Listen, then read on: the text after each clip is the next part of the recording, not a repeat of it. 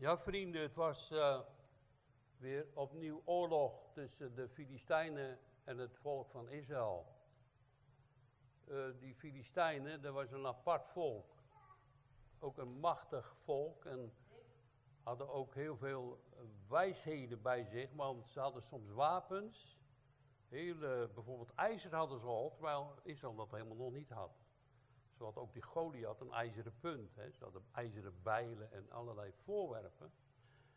Dat zijn eigenlijk de aardsvijanden geweest van Israël, hè, die Filistijnen. Want dat was al vroeger al aan de hand geweest met Simpson. En Samuel had al met de Filistijnen gestreden. Het is eigenlijk hetzelfde een beetje als de Palestina, hè, de Filistijnen. Dat is een beetje zo die naam. Die mensen die waren machtig en die worden gesteld als de vijanden van God en van Israël. Die zijn er dus in de wereld. Vijanden van God en vijanden van Israël.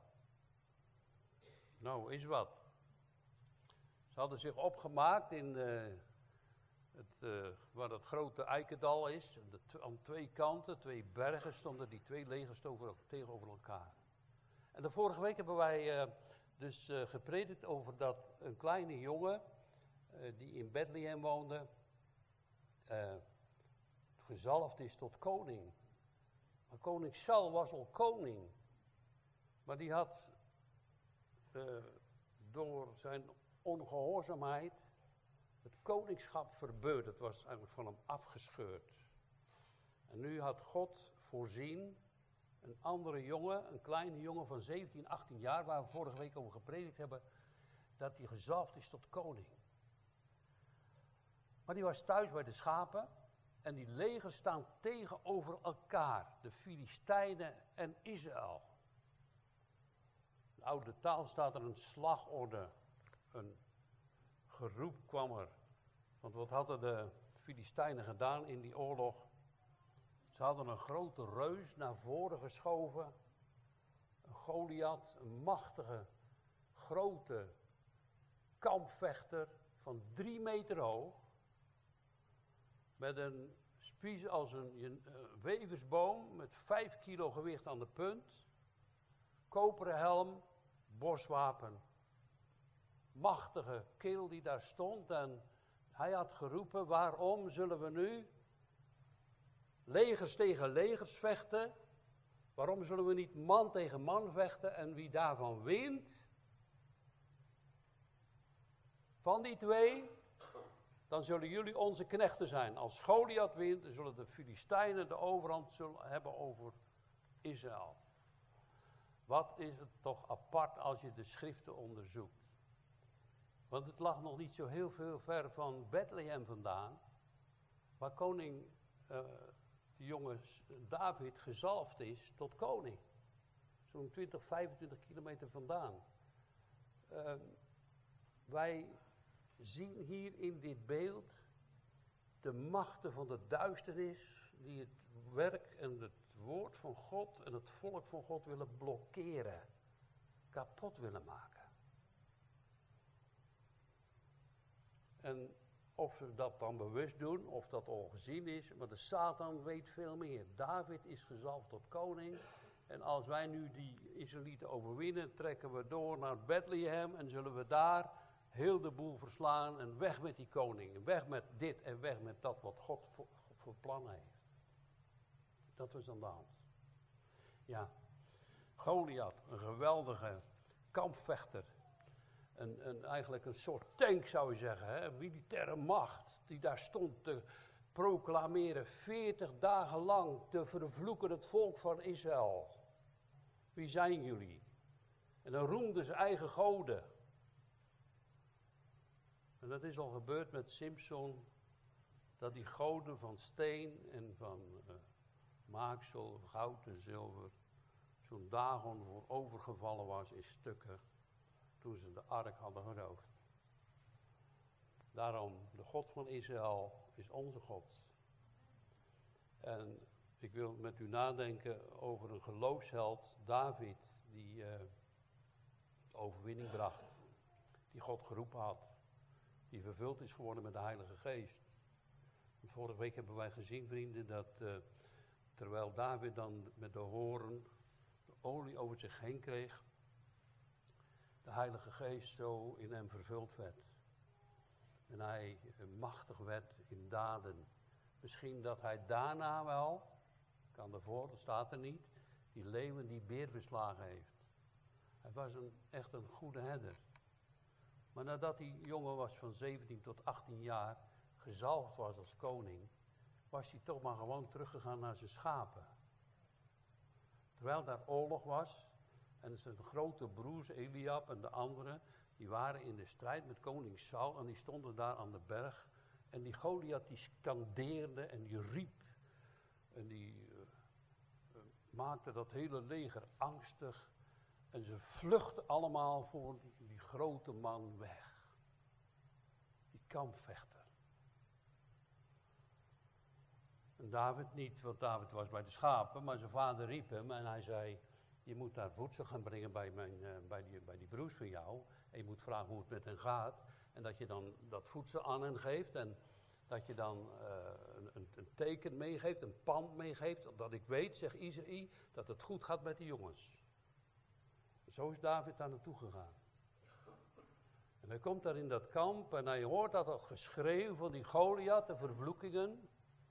En de mensen vluchten allemaal weg als die Goliath begint te schreeuwen. Dat duurt al 40 dagen lang. Een geweldige macht tegenover Israël. En uh, als we er eens even over nadenken. Ik denk dat het echt zo is. De Satan wil mensen bang maken. En we hebben soms heel veel angsten.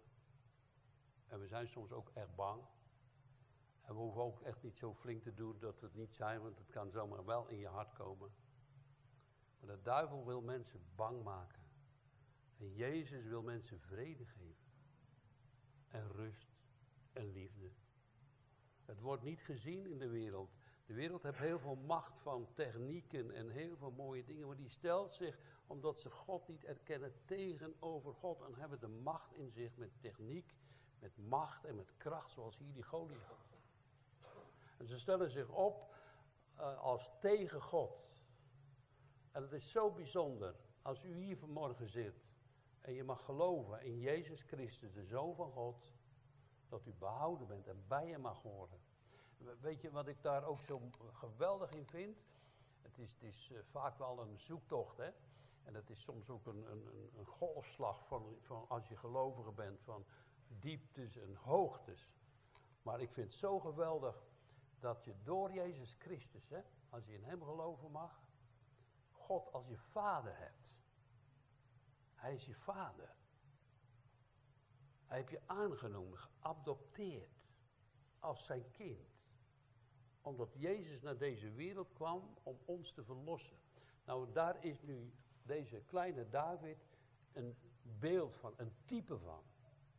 Die hele geschiedenis die hier staat van het uh, gevecht met Goliath en David tekent zich tegen Christus en de Satan. Die twee beelden zijn heel duidelijk gesteld. Ook Jezus is in Bethlehem geboren.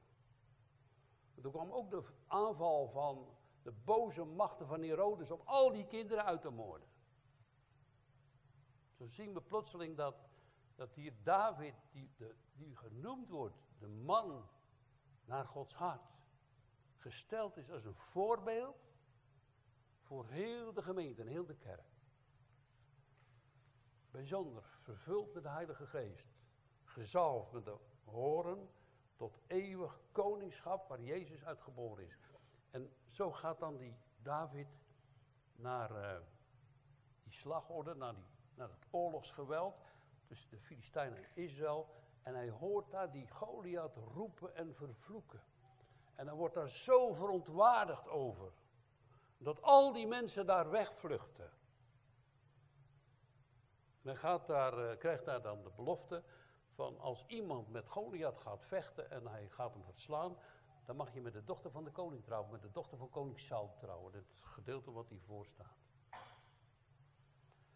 En dan zal je met de eer en heerlijkheid bekroond worden en noem maar op. Hè. En die kleine jonge David, die gaat daar de vraag stellen aan, aan allemaal, maar plotseling beginnen ze hem allemaal tegen te houden. Zelfs zijn oudste broer Eliab. Hij zegt, wat kom jij hier eigenlijk doen, joh? Blijf toch bij de schapen. Je was toch altijd al zo uh, vermetel en altijd je ergens mee te bemoeien. Maar David zegt niets en dan komt bij koning Saul. En koning Saul zegt, wie ben jij? En hij zegt, nou, hij krijgt het harnas aan, wapens. En dan zie je plotseling dat David een goede herder is. Want hij kan met die, dat is hier net voorgelezen, hij kan met die, met die uh, met het harnas en die helm van Saul, daar kan hij niks mee. Daar is, dat is helemaal niet gewend. Hij gaat gewoon in zijn herderskleding, gaat hij op de Filistijn af. Een geweldige oorlog. Een geweldige strijd. Heel bijzonder vind ik dat de roep van de Filistijn, die grote kampvechter was, waarom zullen we leger tegenover leger stellen en waarom zullen we niet man tegen man vechten? Ik sta hier, zoeken jullie maar een man uit jullie leger en wie van deze twee wint, die heeft dan de hele oorlog gewonnen. Op zo'n manier is dat voorgesteld. En dat is zo'n geweldig beeld van onze Heer Jezus Christus. Wat zullen wij vermogen of kunnen doen tegen de boze machten van de Satan? Jezus is alleen daarvoor op uitgegaan. Toen de Heer Jezus dus gezalfd werd door uh, de Heere God uit de hemel met, met de zalf van de Heilige Geest. Toen hij gedoopt was in de Jordaan en uh, Johannes de Doper een duif boven hem zag. Was hij vervuld met de Heilige Geest en dan plotseling wordt hij vervoerd in de woestijn om met de Satan te vechten. Hetzelfde beeld. Een skanderen van de duivel en het liegen en bedriegen. Dan, uh, als, je, als je daar zo over nadenkt, hoe de Heer Jezus dat uh, gevecht gewonnen heeft. Terwijl die Satan zich zo manifesteert hè, als macht en duisternis en angst. Kom daar. Het is eigenlijk zo een beetje humor van God, zo'n kleine babytje op aarde. Uit de maagd Maria geboren. Die de duivel gaat verslaan. En waarom? Omdat u van u houdt. Omdat u u wil redden. Omdat er een eeuwige God is omdat deze wereld voorbij gaat. Omdat er een nieuw koninkrijk komt. Omdat er eeuwig leven is. En zo is Jezus opgegroeid en groter en sterker geworden. En daarom, ik zie het niet anders als hier wat hier gebeurt, is het precies hetzelfde beeld als wat Jezus gedaan heeft met de duivel. En daarin uh, heeft God natuurlijk deze kleine jongen, David met zijn slinger uh, begeleidt. Zo is Jezus ook gezalfd en geleid door de Heilige Geest. En, en weet, je, weet je wat de overwinning geweest is met, met de Satan en Jezus? Dat Jezus absoluut geen enkele zonde gedaan heeft. Hij heeft overwonnen in rechtmatigheid, in, in recht. Hij is een God van recht. Hij is een God van niet liegen. Hij is de God die overwint uh, met het woord dat u allemaal mag hebben in uw eigen taal desnoods. Het woord Gods. Er staat geschreven. Dat. De Satan had hem verleid. Toen Jezus honger had, na 40 dagen. En hij zei, maak toch van die stenen broden. En Jezus zei, gij zult niet leven bij het brood alleen, maar bij alle woord Gods dat uit de mond van God voortkomt. En dat is het voor ons het leven. Wij, wij hebben ook zoiets, hè. Ik heb vorige keer nog gezegd dat je denkt bij jezelf, nou, je moet toch eten. Als je daar geen eten hebt, ga je toch dood. Toen hebben we gesproken over, de eh, over dat stukje van Paulus, over de Areopagus. En daar staat iets heel anders. Er staat dat God het leven in je mond geeft, de adem. Natuurlijk is eten geweldig en mooi en het onderhoud voor je lichaam. Maar het is secundair. Het is tweede. God geeft het leven. Elk mens.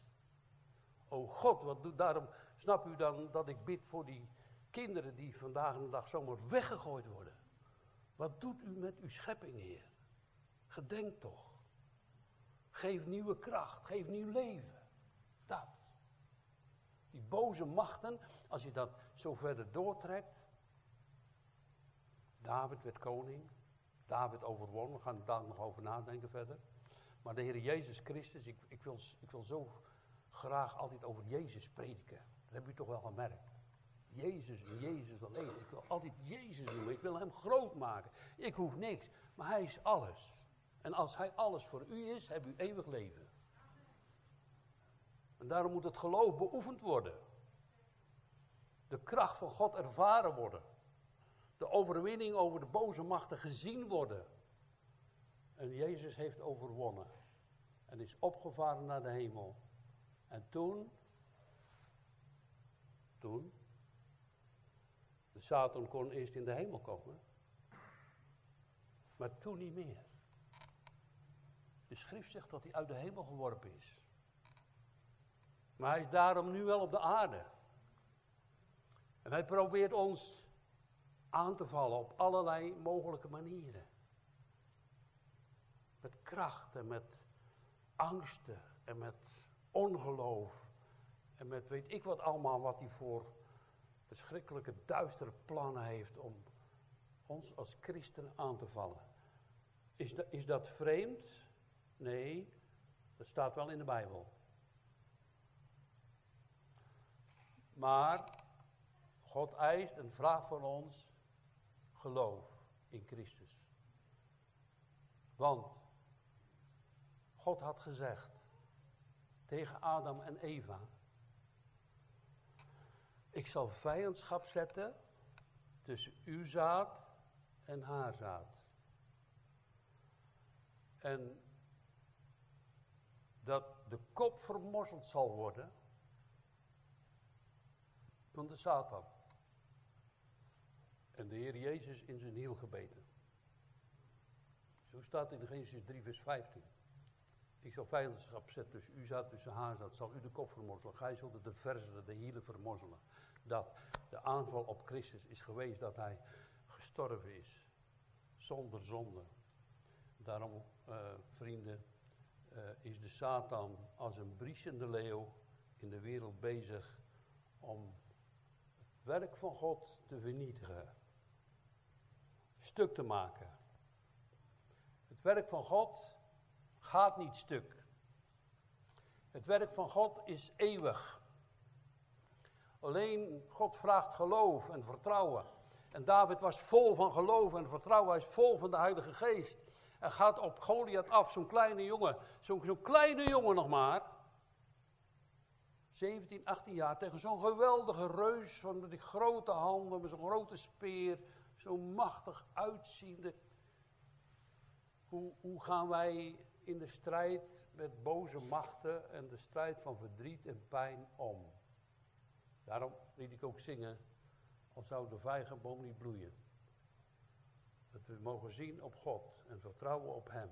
En de vreugde mogen beoefenen en Hem mogen liefhebben. En de kracht van God mogen ervaren. Hij is de levensbron. En daarom, als de duivel dus neergeworpen is op de aarde, zoals het staat in openbaring. Hij is neergeworpen op de aarde, gaat als, om als een briesende leeuw. Hebben wij een machtige vorst, en die kunnen we aanspreken. Jezus Christus, u hebt de kop van de Satan vermorzeld. Waar? In de woestijn? Nee. Toen heb u hem gepareerd. Heb hem overwonnen met het woord. Maar u hebt zijn kop vermorzeld op Golgotha. Waar u gestorven bent. Dat Satan geen macht meer had over wat God gedaan heeft. Dat de Satan geen macht meer had om mensen in de hel te werpen. Dat de Satan geen macht heeft om Jezus aan te vallen als de grote overwinnaar. Ja, het is, het, ik zeg te klein, want het is zo geweldig groot, zoiets. Als je dat overdenkt, wie Jezus Christus is, met een grote overwinning over die boze macht. En daar gaat dan die kleine David tegen die Goliath. Hij had het al verteld tegen koning Saul. Eh, Die God die mij verlost heeft van de beer en van een leeuw. Kan je niet voorstellen, hè? Zo'n zo'n jongen van, van 17, 18 jaar. Wat een getrouwe herder was hij, hè? Dat hij zijn schapen niet alleen liet, hè? Dat zo'n beer zo'n schaapje greep of zo'n lammetje. En hij daar naartoe rent, of die beer dood of wat dan ook, maar hij verloste dat schaap en redde het schaap. En dan komt een leeuw. En hij verloste dat schaap van de leeuw. Hoe? Staat er niet bij. Maar hij zegt, God heeft me toe geholpen. Het was God die mij redde. Het is God die u tot bekering brengt. Het is God die u redt. Het is God die voor u zorgt. Hij alleen. Het is God die de Satan voor u verslaat en verslaan heeft. Al heeft hij nog veel macht. En laat God nog heel veel dingen toe. Wees niet bang. Overwint in zijn naam. Geloof hem. Ik denk dat ik vanmorgen dit niet voor niets moet spreken want, en prediken, want ik denk dat er onder ons zijn die aanvallen hebben over de duivel en met de duivel. En ik heb er ook vaak last van, maar uh, ik stuur hem dan ook weg in de naam van Jezus Christus. Hij wil ons altijd aanvallen op een of andere manier. En ik denk dat het goed is dat u goed luistert en dat u uw ogen opricht naar de koning en mag zien dat hij de Satan heeft overwonnen en dat hij ons bevolen heeft dat wij in zijn naam, in de naam van Jezus Christus, de Satan wegsturen. Gaat weg. Dat is een geloofsoefening. Doe dat niet ongelovig. Doe dat gelovig. En wat is, wat is dat dan, als ik dat dan zeg? Doe dat gelovig. Werp dat helemaal op Christus. Jouw roep. En jouw angst. En zeg, Heer, alsjeblieft, genade. Ik kan er echt zelf in mijzelf nooit tegenop. Dat hele, uh, David had zonder God dat nooit voor elkaar gekregen. Natuurlijk niet. Hij gaat daar ook later in roemen. En in prijzen. En loven. Het is God geweest die mij geholpen heeft. Alsjeblieft, als je bent een christen, geef hem altijd in alles de eer, toch? Als hij je verlost, als hij de boeien verbreekt, als hij de angsten wegneemt, als hij je weer blijdschap geeft in je hart en weer vrolijkheid. Als je het allemaal toch niet begrijpt, vertrouw op hem. Weet je waar wij ook vaak mee zitten? Dat, dat kan ook onder ons zo zijn, hè? Dat je denkt bij jezelf, ja, maar er kunnen toch eigenlijk geen mensen zijn die verloren gaan, of er kunnen toch geen mensen zijn die slecht zijn, of er kunnen toch geen mensen zijn die echt zo satanisch zijn, die zo slecht zijn. Dat kan toch eigenlijk niet? Dat kan ik toch eigenlijk niet geloven? Dat is het punt, hè? Er kunnen mensen mee zitten, hè? Maar ik ga u het uitleggen. In principe is na de val in het paradijs die hele mensheid onder de vloek van God. Iedereen. Ik ook. Nou is het niet een geweldige knapheid als je zegt, dan ben ik tot geloof gekomen, dat deed ik dan maar. Nee, maar God riep je toch. Hij zegt toch later van David, ik heb je toch achter de schapen geroepen. Hij vervult toch onze harten. En dat maakt nu juist het verschil. En om nu bij Jezus te horen en die aanvallen van de Satan en van die boze machten en dat je denkt, ja hoe zit het dan met al die andere mensen? Dat je dat dan eigenlijk niet kan begrijpen. Dan moet je eigenlijk dit gaan leren zeggen. Oh God, wie, wie, dat doe ik voor mezelf wel hoor. Wie ben ik eigenlijk? Dat u wel naar mij omziet. Wat is de mens dat gij hem kent? Dat, dat, is eigenlijk het wonder. Want je bent eigenlijk precies hetzelfde. Geloof het niet?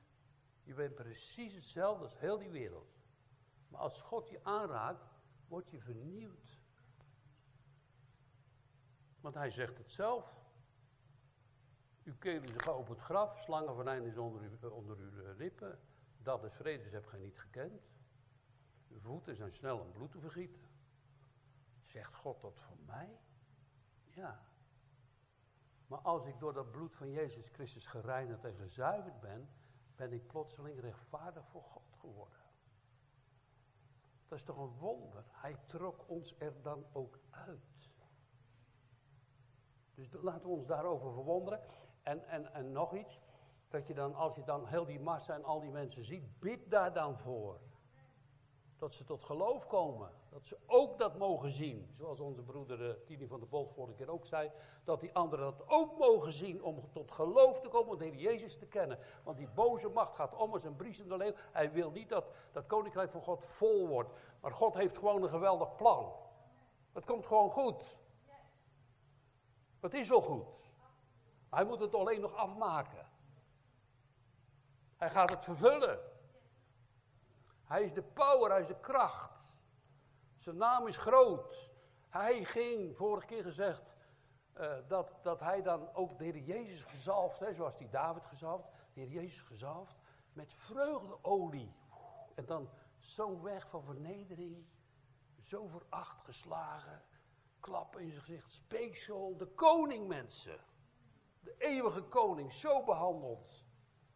En, en misschien heb je het zelf ook wel gedaan, in je gedachten en hem weg met Jezus. En ik zeg u dit.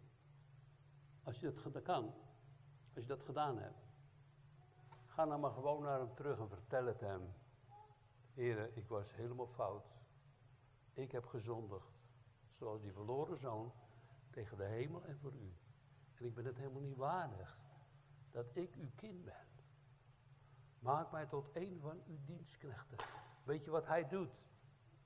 Hij vergeeft menigvuldig. Of bent u het verleerd om te beleiden dat dingen niet goed waren? Moet je niet doen hoor. Beleid hem als het fout was. Dat dat, daarom is David juist een man naar Gods hart geworden. Omdat als het fout ging, ja, één keer helemaal niet, heb hij wel een jaar lang gewacht met, met. Maar zo heel snel ging hij naar God terug. Oh God, dat, dat, dat, was niet goed. Vergeef het mij. Dat is absoluut heel belangrijk in een christenleven. En dan gaat niet ongelovig verder. Want wij hebben een geloofsleer.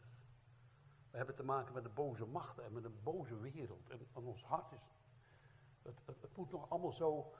Het, het, is aangeraakt en er is vergeving, maar dat moet nog totaal vernieuwd worden. Toch? Als we dadelijk bij Hem zijn. Helemaal nieuw. Alles. Mijn geest, mijn hart, mijn denken. Helemaal niet. Je kunt die voorstellen. Dat. En daar had uh, God een beeld gesteld in die twee oorlogen, de Filistijnen die voortdurend Israël vervloeken. En Israël, het uitverkoren volk van God, waar Jezus uit geboren is. Zo staat David daar met het harnas en dan kan het niet aan en hij doet het uit. Hij is een goede herder, hij gaat daar en hij heeft een geloofsvertrouwen en hij roept het uit en ik ga het nog met u lezen. Opnieuw wat onze broeder u voorgelezen heeft. En hij eh, zegt, uh, hij gaat naar die Filistijn toe. En die Filistijn die kijkt op en zag David en hij verachtte hem. Poeh, wat een klein veentje. Zo'n jongen van 18 jaar, zag er wel mooi uit, maar... En wat heb hij bij hem? Wapens, een schild, helemaal niks. De Filistijn, die grote Goliath van drie meter lang... Eh, die veracht David, want hij was nog maar een jonge ros en knap van uiterlijk. De Filistijn zei tegen David, ben ik een hond dat je met stokken komt om mij te slaan. En de Filistijn vervloekte David bij zijn goden. De boze machten die vervloeken onze God. Uh, eigenlijk is het zo dat alle afgodendienaars de levende God vervloeken niet serieus nemen. uh, we hebben natuurlijk daar beelden van, van, van uh, het islam, de, Boeddha en, en, noem maar op. Heel veel afgoden, hè. En die stellen zich tegenover onze koning Jezus Christus. En als je hem kent, in hem gelooft, dan wil je met die afgoden niets meer te maken hebben. Want ze hebben een mond, maar spreken niet. Ze hebben handen, maar tasten niet. Ze hebben ogen, maar zien niet. En toch zijn er heel veel mensen die daarop vertrouwen. Hoe komt dat toch? Hoe komt dat toch dat heel veel mensen bij dat grote werk van Jezus Christus, zoals David dit nu gedaan heeft, want dat hele leger stond daar toch maar mooi te wachten. En David gaat er alleen op af, als het type van Christus. En hij verslaat die grote Filistijn die hem veracht. Hoe komt dat toch dat heel veel mensen bij dat grote werk van Christus, die gekruisigd is aan het kruis en heeft geroepen, dat is volbracht. Waar stond Jezus voor? Voor de zonde en de duivel en de dood overwinnen tegenover zijn machtige vader die hem verlaten had. Want hij riep Eloi, Eloi, lama sabachthani. Mijn God, mijn God, waarom heb gij mij verlaten? Waarom zit in ons hart, willen we steeds nog iets erbij doen? Het is gewoon niet nodig. Zijn mensen gestorven en dan wil je nog bidden dat ze daarna nog in de hemel komen, of dat mijn gebed dan nog iets uit zal halen. Dat kan niet. Hij heeft helemaal totaal betaald. Alles is volbracht. Ik ga helemaal niet zeggen dat je niet meedoet en niet meetelt, natuurlijk. Maar, maar, dat hele werk van Christus, er hoeft echt niets meer bij. Het is helemaal af. En zo graag willen wij dit nog doen en dat nog doen. En als je dat niet doet, en dan hebben we misschien een heel goed gevoel bij. Ik vraag me af, hoe krijg je het voor elkaar, hè? Dat je dus de Ramadan en al die mensen op hun knieën. En allemaal denken, als ik dat nou doe, dan krijg ik wel een cadeautje van God. Dat is niet onze leer. Dat hebben wij u nooit geleerd. Wij hebben steeds op Jezus gezien die alles voor ons gedaan heeft. Alles deed en nog doet. En overwint. Als de koning der koningen. Als de Satan overwonnen. Mijn hart overwonnen. Uw hart ook?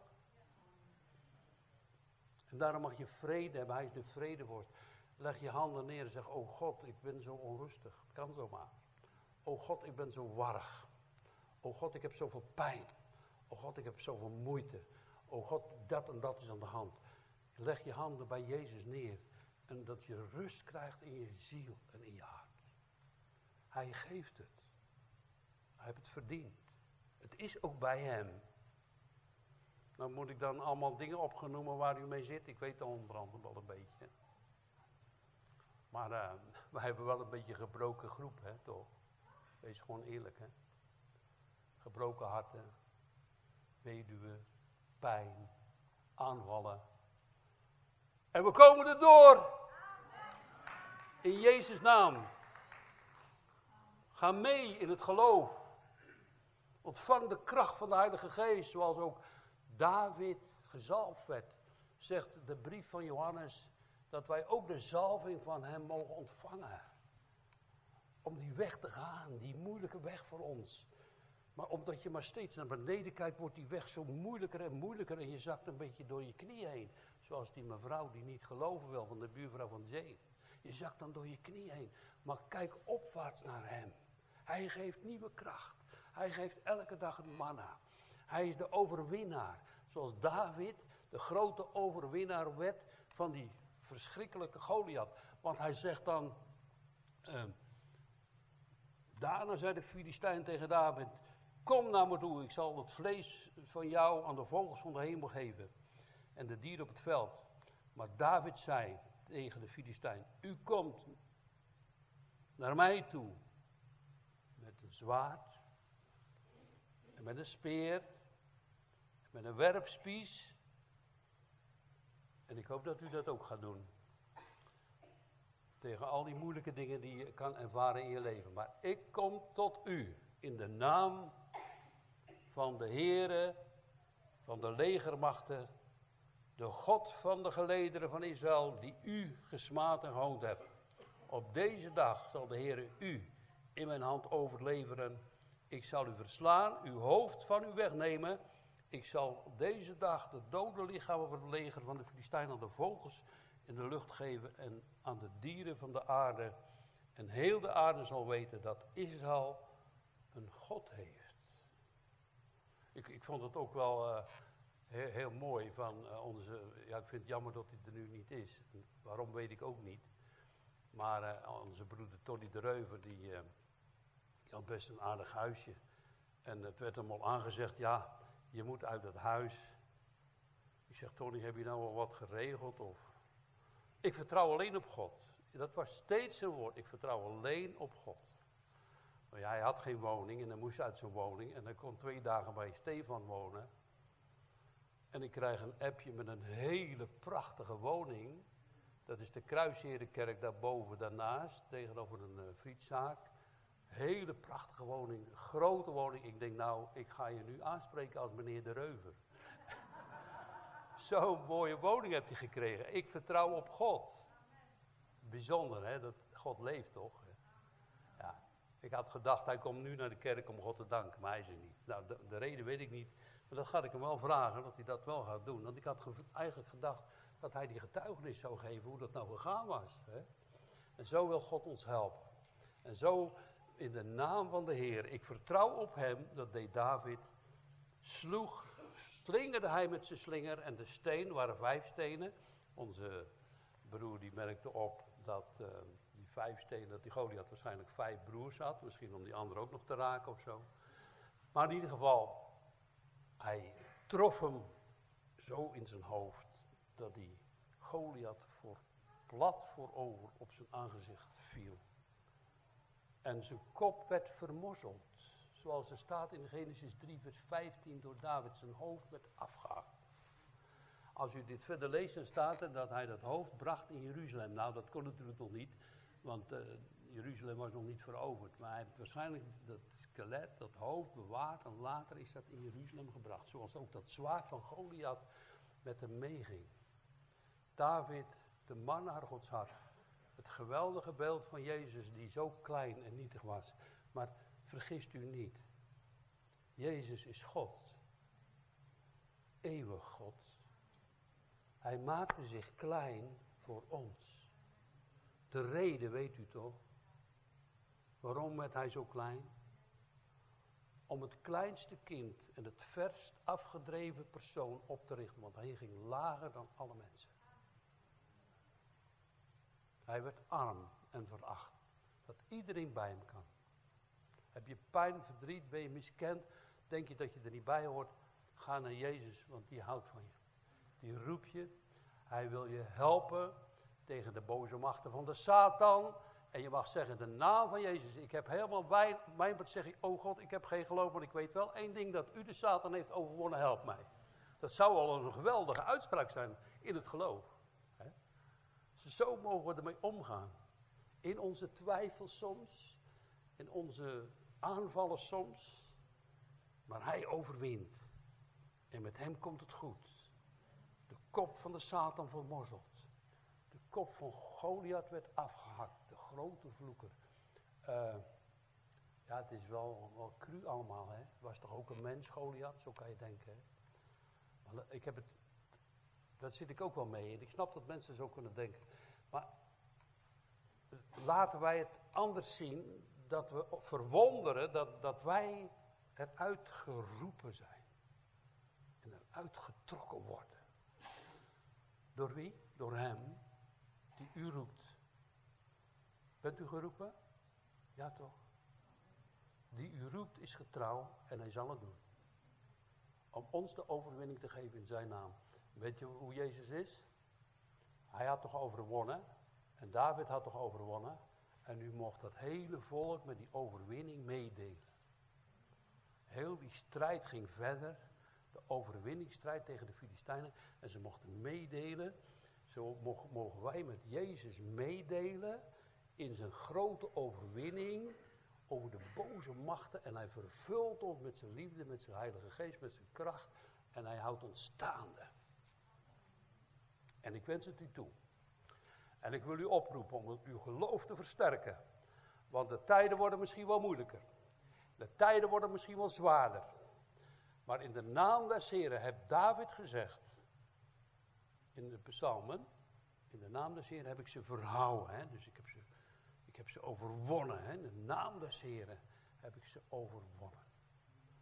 Dat is een geweldig krachtig woord waar u mee verder mag. Geloof en vertrouw op Hem. In Jezus' naam. Amen.